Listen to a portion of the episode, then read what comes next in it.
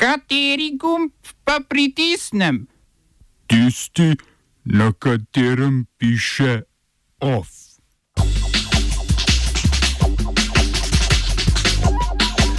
Sudanska vlada Sudansko revolucionarno fronto podpisala premirje. Obisk češke delegacije na Tajvanu sprožil burne kitajske odzive. Vlada razrešila generalnega direktorja finančne uprave in imenovala začasno direktorico. V kulturnih novicah obnova in revitalizacija obvodnih delov Ljubljane.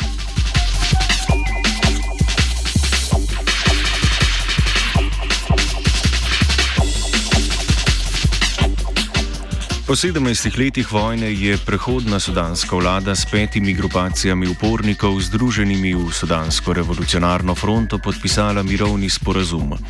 Ta zadeva več problematik, med drugim varnost, lasništvo ozemlja, delitev oblasti in bogatstva, tranzicijo in vrnitev beguncev. Kljub pomembnosti in zgodovinskosti podpisa pa nekaj grenkega pri okusa ostaja, saj dve glavni uporniški skupini, to sta Narodno gibanje za osvoboditev, Severnega Sudana in Sudansko osvobodilno gibanje sporazuma z vlado zaradi nestrinjanja z vsebino dogovora nista podpisali. Območje in sosedstvo Sudana sta nemirna že vsaj od leta 2003, ko se je uradno začela vojna med vladnimi silami, ki so po večini muslimanske in med večino nemuslimanskimi plemenskimi uporniki. V konfliktih v Darfurju je tako od leta 2003 po podatkih Združenih narodov umrlo okrog 300 tisoč ljudi.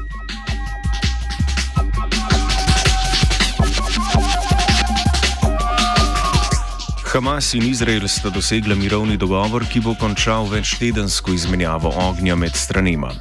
Medijator pri doseganju dogovora je bil Katar. Izrael je od 6. augusta dalje skoraj dnevno bombardiral Gazo in s tem odgovoril na Hamasove balone z eksplozivom in zažigalnimi sredstvi, ki jih je ta z Gaze pošiljal nad južni Izrael.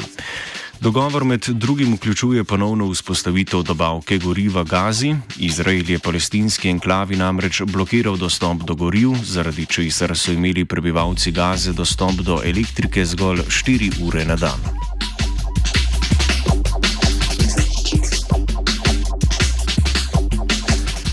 Turčija je še podaljšala raziskovanje morskega dna v vzhodnem sredozemlju z ladjo Oruč Reis in sicer do 12. septembra.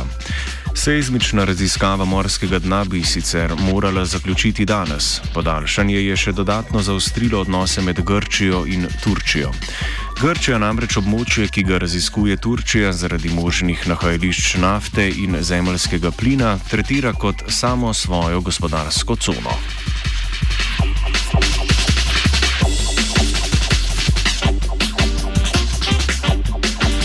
Vsaj na besedni ravni pa so se zaostrili odnosi med Kitajsko in Češko. Češka delegacija s predsednikom senata Milošem Vrstičilom na čelu je namreč odpotovala na Tajvan, ki je po mnenju Kitajske njen teritorij.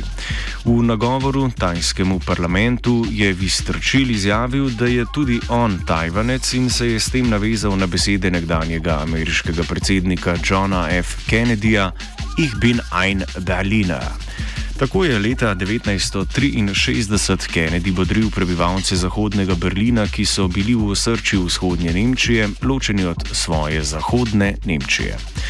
Že pred nagovorom je kitajski zonani minister Wang Yi dejal, da bo Vistrčil za obisk plačal visoko ceno. V Tajvanu se mudi 90-članska češka delegacija gospodarstvenikov in politikov, med njimi pa je tudi praški župan Zdejnek Hrib.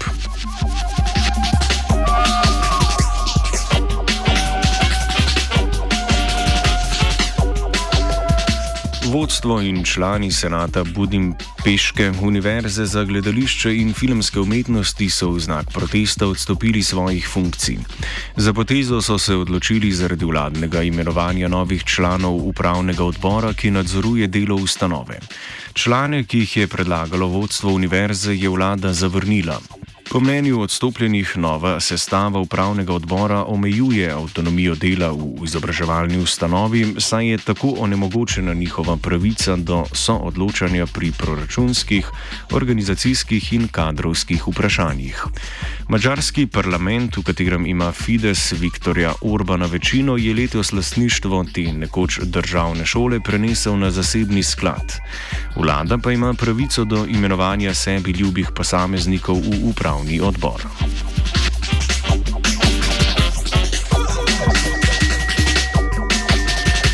Vlada venezuelskega predsednika Nikolasa Madura je pomilostila več kot 100 opozicijskih predstavnikov, med katerimi so tudi nekateri poslanci Narodne skupščine.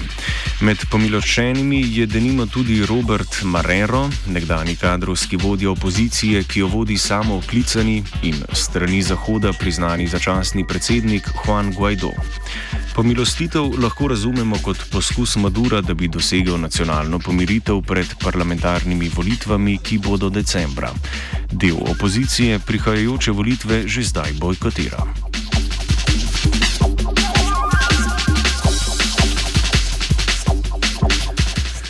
Združene države Amerike so v Varnostnem svetu Združenih narodov uložile veto na predlog resolucije o pregonu, rehabilitaciji in reintegraciji storilcev terorističnih dejanj. S predlogom so se z izjemo ZDA strinjale vse članice. Veto je bil po mnenju ameriške veleposlanice pri Združenih narodih Kelly Craft potreben, saj v predlogu ni ne duha, ne sluha o repatriaciji borcev islamske države. Po njenem je treba borce repatriirati in jim soditi v matičnih državah, saj bi s tem zmanjšali možnost za ponovno vzpostavitev islamske države. Z mnenjem ZDA se ne strinjajo predvsem evropske države, ki bi repatriirale le otroke in ne borcev. Prav tako bi bilo po mnenju evropskih članic, stalni sta Francija in Združeno kraljestvo, nestalne pa so Belgija, Estonija in Nemčija. Borcem v matičnih državah težko soditi za domnevne zločine, ki so se dogajali na območjih Sirije in Iraka.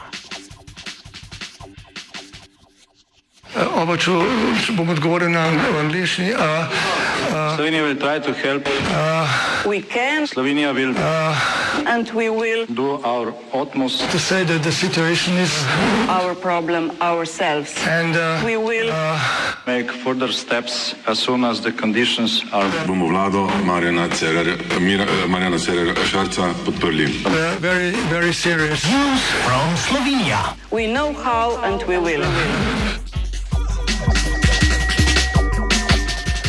Vlada je na dopisni seji razrešila Petra Jenka Stočka, generalnega direktorja Finančne uprave Republike Slovenije, krajše FURS, in na položaj imenovala državno sekretarko na Ministrstvu za finance Ireno Nunčič. Na položaju bo največ šest mesecev do opravljenega natečajnega postopka za novega generalnega direktorja. Nunčič je dolgoletna namestnica direktorja davčne uprave Republike Slovenije, vodila je zdravstveni dom v Šmarju pri Jelšah, na lokalnih volitvah pa je večkrat kandidirala za članico občinskega sveta Šmarske občine na listi SDS. Maja se je prijavila na razpis za direktorja bolnišnice Slovengradec, a v svetu zavoda ni prejela zadostnega števila glasov. Peter Jenko je furs vodil od oktobra lani, ko ga je imenovala rajnka vlada Marjana Šarca.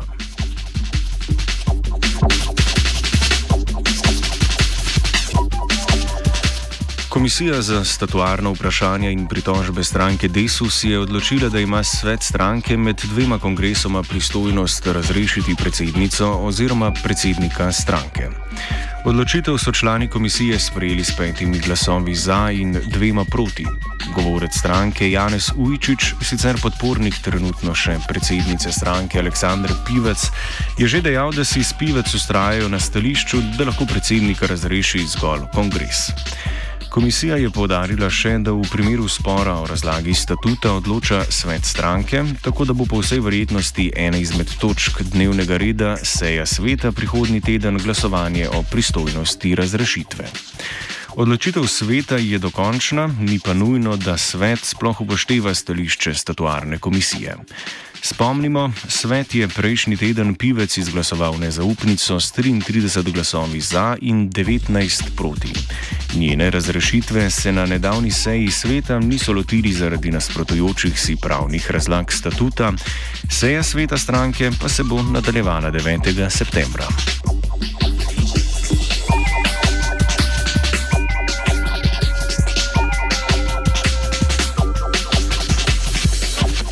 Včeraj je na Bledu potekal Blejski strateški forum, že 15. po vrsti. Najpomembnejši gostje so bili severno, severno seveda svetovno-nazorski kolegi premijeja Janeza Janše in sicer mačarski premijer Viktor Orban, češki premijer Andrej Babiš, polski premijer Mateusz Moravjecki, bolgarski premijer Bojko Borisov, hrvaški premijer Andrej Plenković in srpski prezident Aleksandar Vučić. Da bi druščino nekoliko uravnotežili, pa je bil med gosti tudi zonani minister Evropske unije Josep Borrell. Zbralo se je tudi nekaj protestnikov, ki ne želijo, da bi se Blejsko jezero spremenilo v Balaton.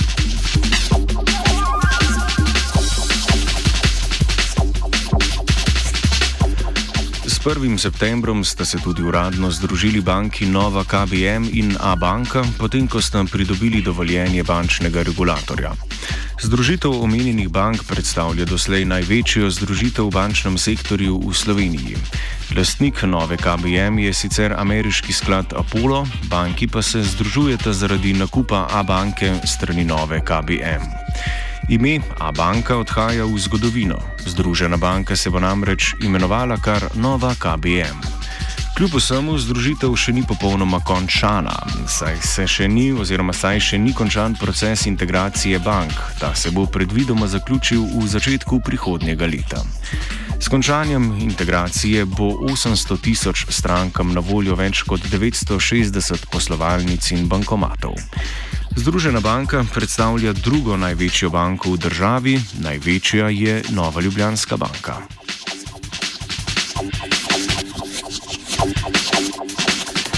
OF je pripravil URH.